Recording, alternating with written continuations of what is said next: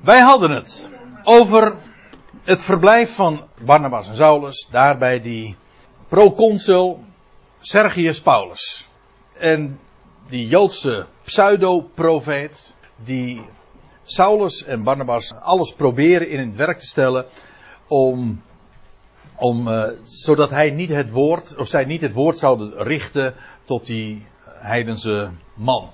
Hij trachtte de landvoogd van het geloof afkerig te maken. Dat was het laatste wat we besproken hebben van vers 8. En dan staat er in vers 9. Doch Saulus, anders gezegd, echter ook Paulus, vervuld met Heilige Geest, zag hem scherp aan en zeide. Dus het wordt in feite hier in het voorbijgaan zo gezegd. Maar toch ook wel weer heel definitief. Daar bij die Sergius Paulus wordt Saulus Paulus. Dat is één ding. En dan is het vervolgens ook vanaf, zo consequent als hij tot dusver Saulus heette, zo consequent wordt hij nu Paulus. Men heeft ook wel gezegd, en dat zou heel goed kunnen, dat Saulus zijn Hebreeuwse naam was. Shaul. Dus, Saul is een, uh, een zeer Hebreeuwse naam. Shaul. De naam, bekend van koning Shaul. Uit dezelfde stam van Benjamin ook nog eens een keertje. Nou, ik heb al vaker gewezen op de connecties, ook de typologische verbindingen tussen koning Saul, die David vervolgde, en hier Saulus van Tarsus, die de zoon van David vervolgde. Nou, er zijn wel meer uh, verbanden. Ik werd er in de pauze nog even gewezen op, uh, door Fred. Die zei, uh, het is gewoon eigenlijk wel opmerkelijk dat Saulus ook onder de profeten gerekend wordt. Hier in Handelingen 13 vers 1. En als ik het zo zeg, voor de bijbelkenners onder u, die weten dat er zo'n geschiedenis is, dat Saulus, koning Saul, in geestvervoering geraakte. Een hele aparte geschiedenis. En dan ontstaat daar het spreekwoord in onder Israël van, is Saul ook onder de profeten? En het antwoord is jazeker. Wij kennen een profeet, iemand die Gods woorden doorgeeft als geen ander. Hij is een profeet. De profeet bij uitstek nu ook onder de natieën. De leermeester ook van de natie. Dus Saulus was zijn Hebreeuwse naam en Paulus wellicht ook zijn Romeinse naam. Want Paulus, of Saulus, net hoe je het zeggen wil, was een Romeins staatsburger. Die, qua en vanaf zijn geboorte al. Zodat beide namen heel passend zijn.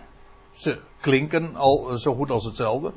Heel verschillende betekenissen. Ik zei al, als Latijnse naam betekent Paulus kleintje.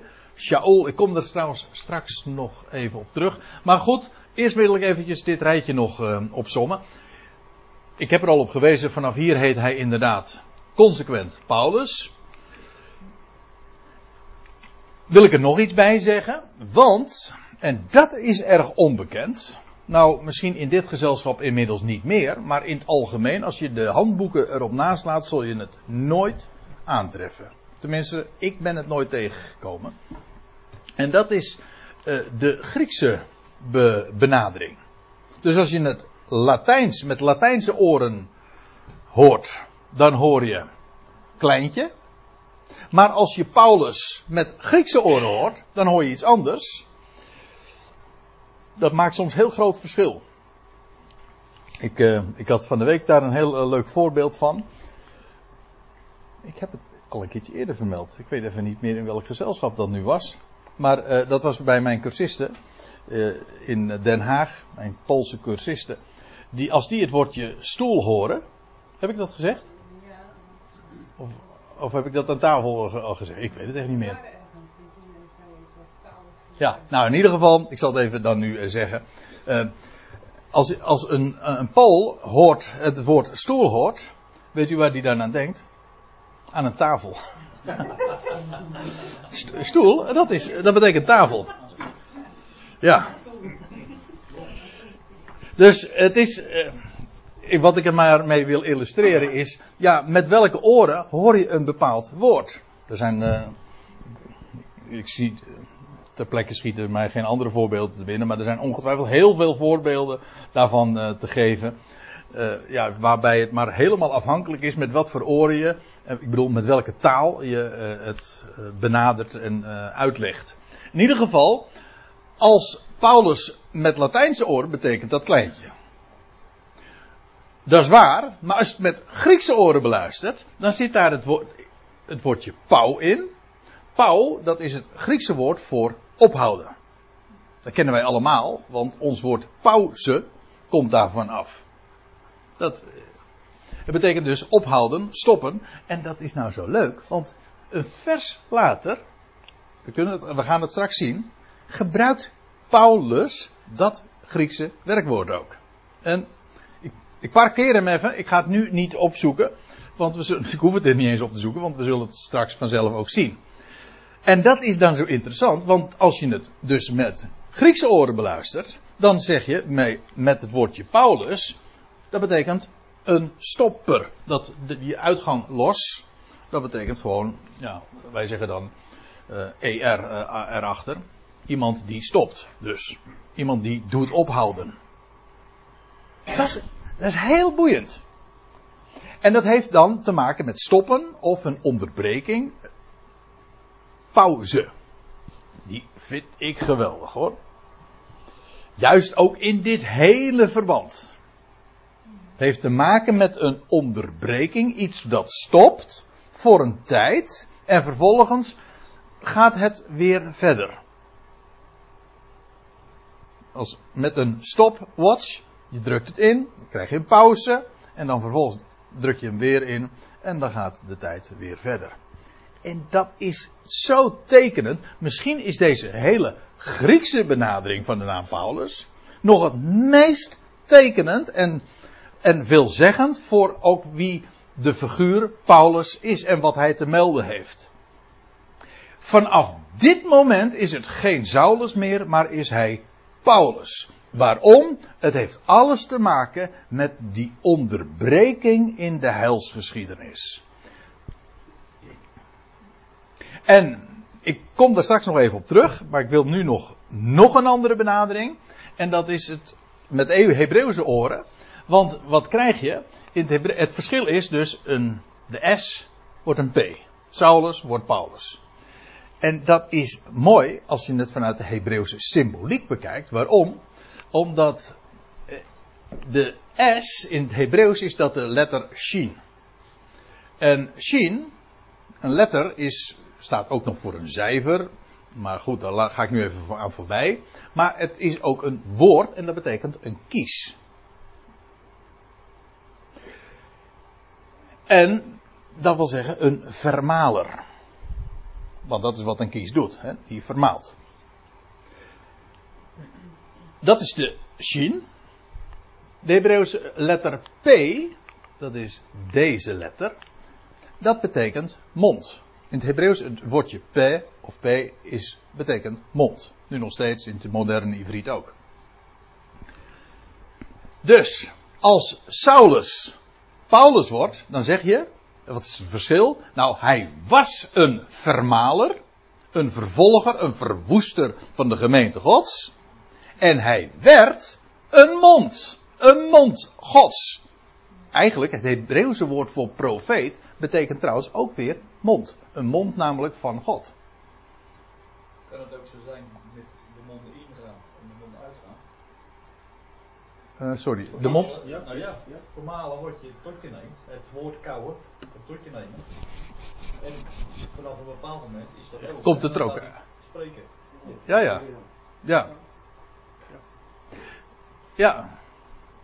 Ja, ik, die, ja, die connectie zie ik ook. Maar ik, juist omdat het hier vooral die kies is, dat is vooral de functie van vermalen. Maar jij bedenkt dan vooral aan het voedsel. Ja, oké, okay, je neemt eerst het voedsel tot je en dan vervolgens uh, uh, spreek je het weer uit. Ja, dat is ook een, uh, een link. Maar zo zie je dat als je de, de Hebreeuwse symboliek er ook nog eens bij betrekt, dat je een heel mooi plaatje in zijn totaliteit krijgt. In het Latijns is hij een kleintje. Dat is trouwens ook veelzeggend hoor.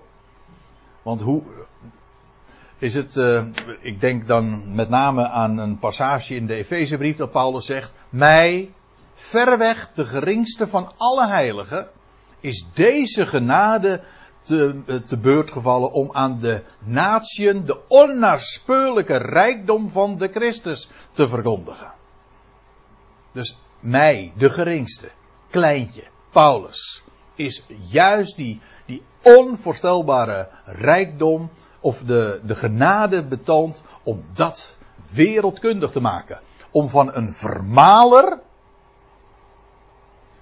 de eerste der zondaren, hij zegt de minste van de apostelen, de geringste van alle heiligen. Nou, je zou zelfs nog een overtreffende trap iedere keer kunnen maken. Hij is de minste van de apostelen, dat is de kleinste kring.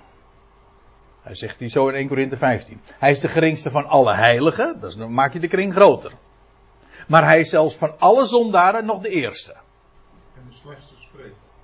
Ja, dat was ook nog een slechte spreker. Ja, Kijk maar eens naar 1 Korinthe, de eerste gedeelte van 1 Korinthe. ja. Niet, niet met schittering van woorden. Precies, ja. Jezus Christus en die gekruist. Precies, ja. Maar het gaat even nu ook om die, die overtreffende trap. Dat, hoe, hoe, hoe wijd je de kring ook trekt, of hoe klein. Maar hij is de geringste, de minste van de apostelen, de geringste van alle heiligen en de eerste der zondaren. Nou, aan hem, met recht een kleintje, is die onvoorstelbare genade te, beurt gevallen om aan de, de natie de onnaspeurlijke rijkdom en, en ook de genade van God te, te verkondigen. Dat is wel schitterend. Hoe een vermaler een mond gods wordt. Dat is de Hebreeuwse symboliek.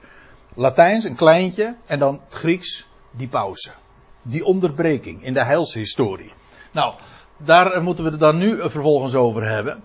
Handelingen 13 vers 9. Dat is echt de omkering. Handelingen, want je kunt, dat is trouwens algemeen bekend. Handelingen is eigenlijk onderverdeeld in twee grote delen. Namelijk handelingen 1 tot 12 kun je overal terugvinden. Dat, is niet, dat zeg ik nu niet zomaar.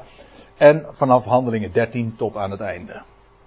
Handelingen 13 is die, die omkering. Maar je ziet het dus ook hier, vooral ook bij de wijze waarop Saulus genoemd wordt, namelijk Paulus. Doch Saulus, anders gezegd Paulus, vervuld met, nou staat eigenlijk vervuld wordende van heilige geest juist bij deze, bij deze gelegenheid, vervuld wordende, zag hem scherp aan. Keek, staat zelfs letterlijk in het Grieks, hij keek tot in hem. Hij keek zo dwars door hem heen. En dan zegt hij, eh, zoon, ja, nou het staat in het Grieks wat anders. Die, dat staat er pas wat later.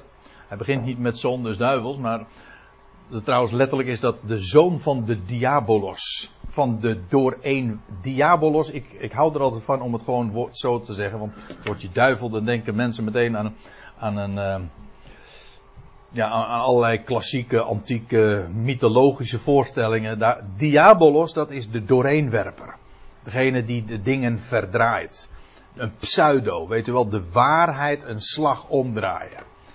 Nou, daar is die, hij een zoon van, een erfgenaam. Van die, vol, van vol van allerlei list en streken, bedrog en van alle schurkachtigheid zelfs. Ja, u moet zich voorstellen dat terwijl Saulus hier op hoog bezoek is, ik bedoel, hij is de bestuurder van, van het eiland, een proconsul, niet de eerste de beste. Nou, daar staat een man, kennelijk toch ook van aanzien, daar die in zijn nabijheid verkeerde. En dat Saulus zich niet terugtrouwend opstelt. Hij zegt gewoon, zoon van de diabolos. En dan zo, van, vol van alle bedrog, niet van allerlei, van alle bedrog.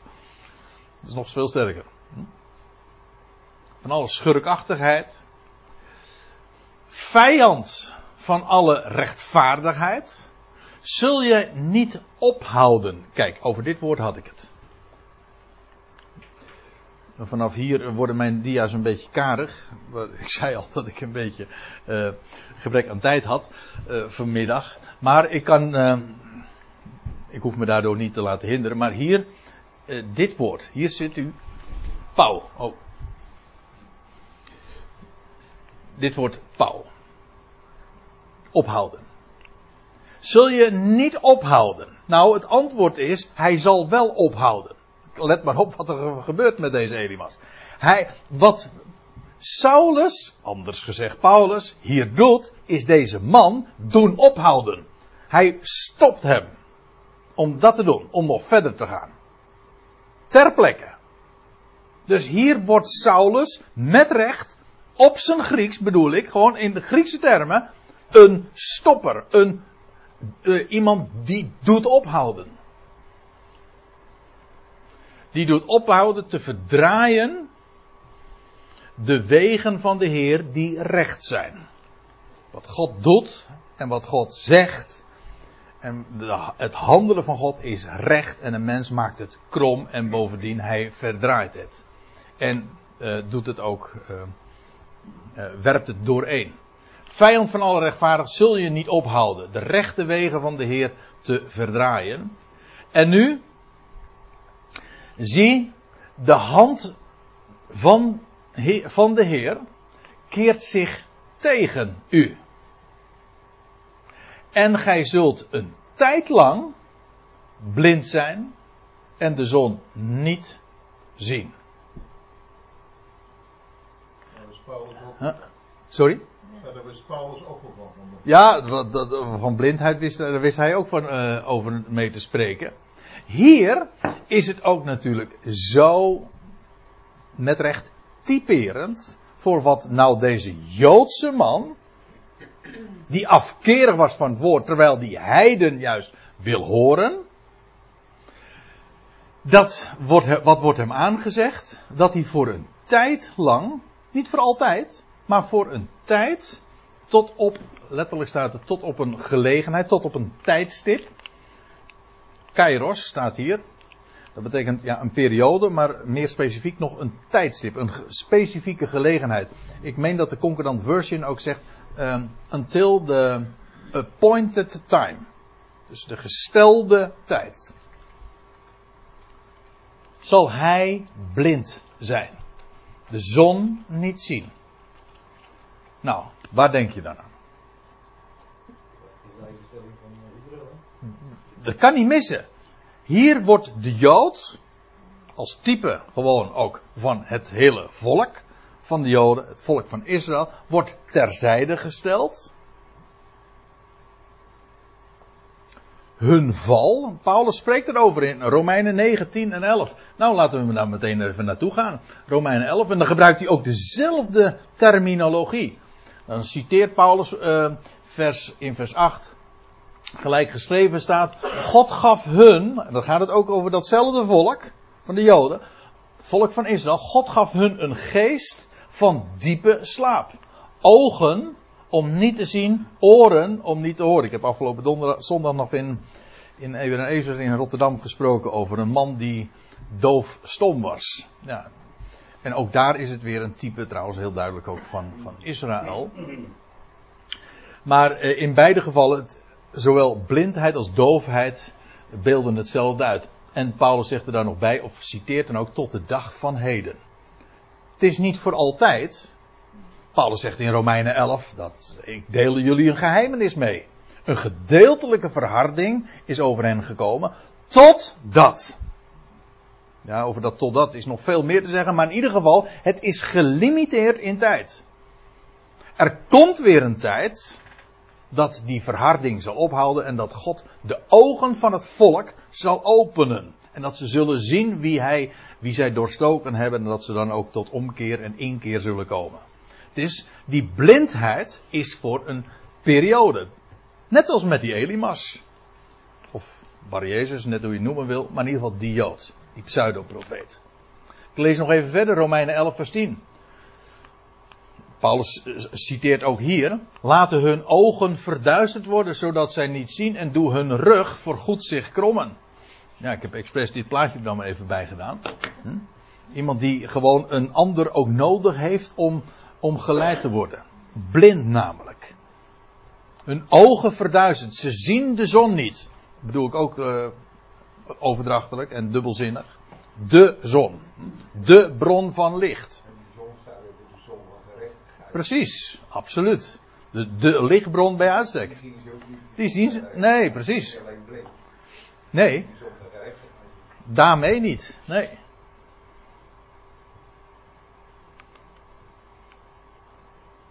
Ja, en. Ja, trouwens, eh, dat zou ik nog haast vergeten. Maar er staat zodat ze niet zien. Hun ogen worden dus verduisterd. En hun rug. eh doe hun rug voor goed zich krommen. Ziet u de, het, het, het beeld? Van een een ge- gekromd. Onder de last, want dat is namelijk ook nog een beeld de last namelijk van werken. Hm? Eh, hoe zegt Petrus dat trouwens? Dat is handelingen 15. Hoe, eh, legt gij een last op de schouders van de discipelen die nog wij, nog onze vaderen hebben kunnen dragen. Zie je het? Krom, krom getrokken, krom gebogen. Trouwens, er is ook nog een geschiedenis in de evangelie van, van eh, iemand die een, dat, dat de Heer Jezus iemand geneest die krom getrokken was. Van die vrouw. Nou, dan wil ik het... eh, ik heb nog geen eh, keuze gemaakt over waar ik het zondag over ga hebben, maar terwijl ik erover spreek, denk ik van dat zou dat zomaar eens kunnen worden. In ieder geval, eh, dat heeft dus weer te maken met onder die belasting zich gekromd bevinden. Nou, ik ga weer even terug naar die Elimas. Terwijl Saulus, anders gezegd Paulus, dat tegen die man zegt, zul je niet ophouden? Nou, het antwoord vind je dan meteen in vers 11. En terstond viel op hem donkerheid. Er staat een, andere vertalingen zeggen mist. Een waas. Hij zag niet meer helder. En bovendien duisternis. Waas en duisternis. En rondtastende, ik had eigenlijk hier dat plaatje natuurlijk moeten zetten. En rondtastende zocht hij iemand om hem bij de hand te leiden. Dus hij werd ter plekke blind. En het is zo overduidelijk dat dit typologisch is voor wat, wat hier gaande is in het boek Handelingen. Israël wordt terzijde gesteld vanwege hun ongeloof afkerig van het woord. Willen ook er niets van weten dat het woord naar de natieën toe gaat. Ja. En het is Paulus, juist in die hoedanigheid als Paulus, die de apostel wordt dan van de natie. En vanaf wanneer wordt hij dat? Hier in Handelingen 13. Daar wordt hij de apostel van de natie. En hier voor het eerst komt een pure heiden in aanraking met het woord van God. En wanneer is dat? Nou, bij die, bij die confrontatie met die Jood, die pseudoprofeet, die voor een tijd blind wordt. En de zon niet meer kan zien. En Saulus wordt hier dus ook met recht de ophouder. Hier begint een periode van onderbreking. Hier stopt Israël. En bij deze gelegenheid wordt het ook duidelijk, juist als Saulus Paulus wordt, dat het eh, volk niet tot inkeer zal komen, niet tot bekering. Wat aanvankelijk de grote verwachting was van de twaalf en wat ze ook uitspraken, dat Israël tot geloof zou komen in hun Messias. En dan zou de Messias terugkeren en dan zou het koninkrijk gevestigd worden. Wel, vanaf hier is het duidelijk, dat gaat niet gebeuren. Dat eh, was de twaalfen en dergelijke allemaal nog niet duidelijk. Dat is nog een heel proces. Daar zullen we het ook nog wel over hebben. Maar in ieder geval, dat is wat je hier in Handelingen 13, die wenteling, die omwenteling, dat zie je hier. Eh,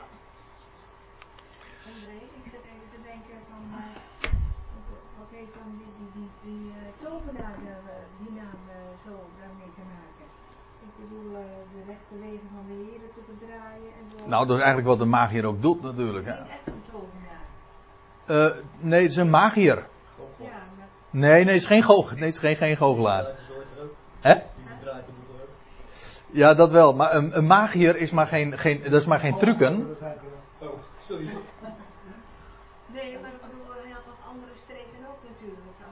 Ja, hij deed zich voor natuurlijk als een profeet, maar hij gebruikte allerlei magische krachten. Wat voor eh, dingen daar verder bij aan de hand? Ja, toestand, ja. Wat een toestand zeg. Dus de kerk verkeerde dezelfde fase als Israël toen. De kerk nam de vlambestelen in Israël staan meer En toen kwamen ze, de paus Paulus, 2000 jaar door was de boodschap al bekend. En de kerk ja. ook eh, Paulus voorbij. Mhm. Ja. Exact. Hm. Ja. De... Ja, en ja, die, eh, de, de rol van Paulus, en die hij vanaf hier dus ook krijgt. Want we, eigenlijk, ik, ik zei al eh, eerder, vanaf nu gaan we dus met recht in de voetsporen van Paulus. Kan niet, eerder konden we eigenlijk nog niet in de voetsporen van Paulus. Toen zaten we in de voetsporen van Saulus. Maar hier wordt het de voetsporen van Paulus. Nou, en dan lees je nog in vers 12. En ik, ik zat op mijn, op mijn horloge te kijken. En is vijf voor half tien. Maar eh, ik dacht van, god, is nog steeds. Blijf maar vijf voor half tien. Maar, ja. En eh, toen de landvoogd, de proconsul, zag wat er gebeurd was. Ja, want die, die, die stond daarbij. Kwam hij tot geloof? ja, ik, eh, deze, deze vind ik nou leuk dat ik het eh, zo even mag zeggen. Want ik heb eh, me de laatste dagen daar nog eens mee bezig gehouden met die uitdrukking. Maar het staat er niet. Er staat niet, hij kwam tot geloof. Hij gelooft. Hij gelooft, staat in de, hier is misschien een vaag een streepje, maar dat betekent een aorist gewoon in onbepaalde tijd. Hij gelooft. Hij kwam niet tot geloof. Geloof kwam tot hem. Dat is de richting. Het is een gave gods. Ja, ik weet het. Sorry? Hij, ja, de Statenvertaling zegt het consequent altijd goed. Hij geloofde. Of zij geloofden.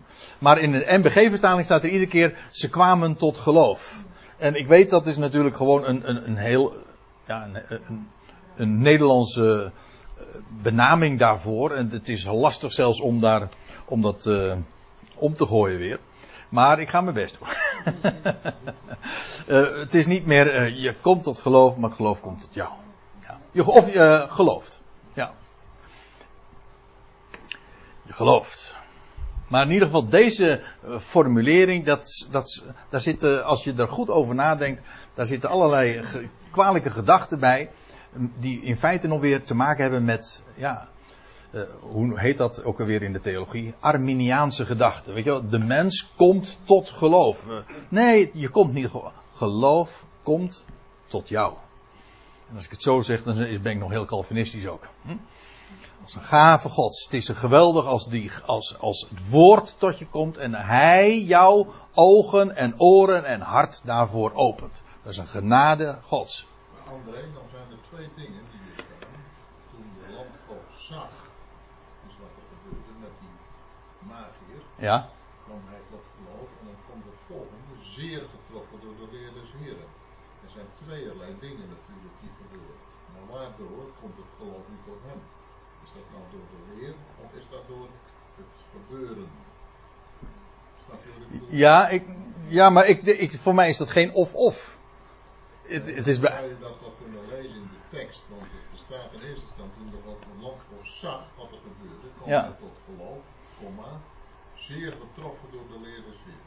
ja. Dus Dus je het taalkundig bekijkt, zag hij, zag hij de leer des heren dus. ja, ja, maar dat is wel zo, maar dat gebeuren met die magier speelt, wat bedoel ik, speelt dat daar ook nog een rol in mee? Lijkt mij wel. Ja.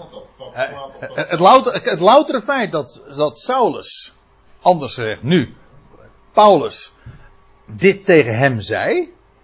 En die, die Sergius Paulus, die landvoogd, die staat daarbij. Hij ziet gewoon dat dat gebeurt. Dus dat wat Paulus leerde, onderwees, dat ziet hij nu in ene keer eh, werkelijkheid worden. Ja, hij zag het, inderdaad. Hij hoorde het. En dat is natuurlijk ook die leer, het onderwijs. Versteld staande. Versteld staande eh, is het ek, dus eh, buiten zichzelf van verbazing op het onderwijs, gebaseerd op het onderwijs van de Heer. Het was dus duidelijk dat wat hij hoorde, dat was van de Heer. Ja, dat lijkt me nogal wie dus, want het, was naam, het werd gewoon ter plekke gedemonstreerd. Een man die zo eh, de andere mensen betoverde met zijn krachten en dergelijke. Dat, dat hij zelfs daar in de, de nabijheid van die, die Sergius Paulus verbleef. Dat moet toch, eh, hij moet toch een man ook van statuur geweest zijn, die Jood bedoel ik.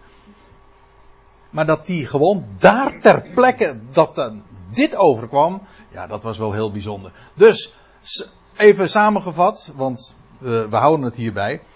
Het komt erop neer Saulus wordt Paulus. Waar? Bij Sergius Paulus.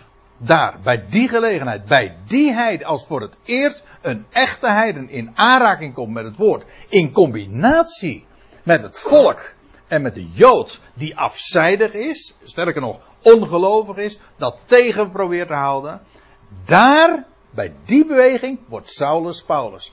En voor een tijd lang wordt die Elimas dan getroffen door blindheid en ziet hij de zon niet meer.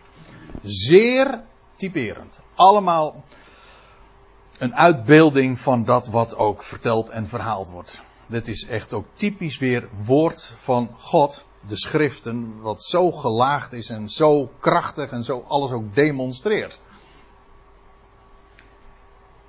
En dan stel ik voor dat we de volgende keer inderdaad verder gaan bij vers 13 dan gaat Paulus weer verder. Op reis bedoel ik vanaf Pavos. Maar dat is over drie weken. En als ik goed in mijn agenda gekeken heb en ook goed onthouden heb, dan is dat vandaag dus, over drie weken is dat dus de 26e. 26 februari zijn we hier, Deo Volente, weer bij elkaar. En bij deze bent u daar ook van harte bij uitgenodigd.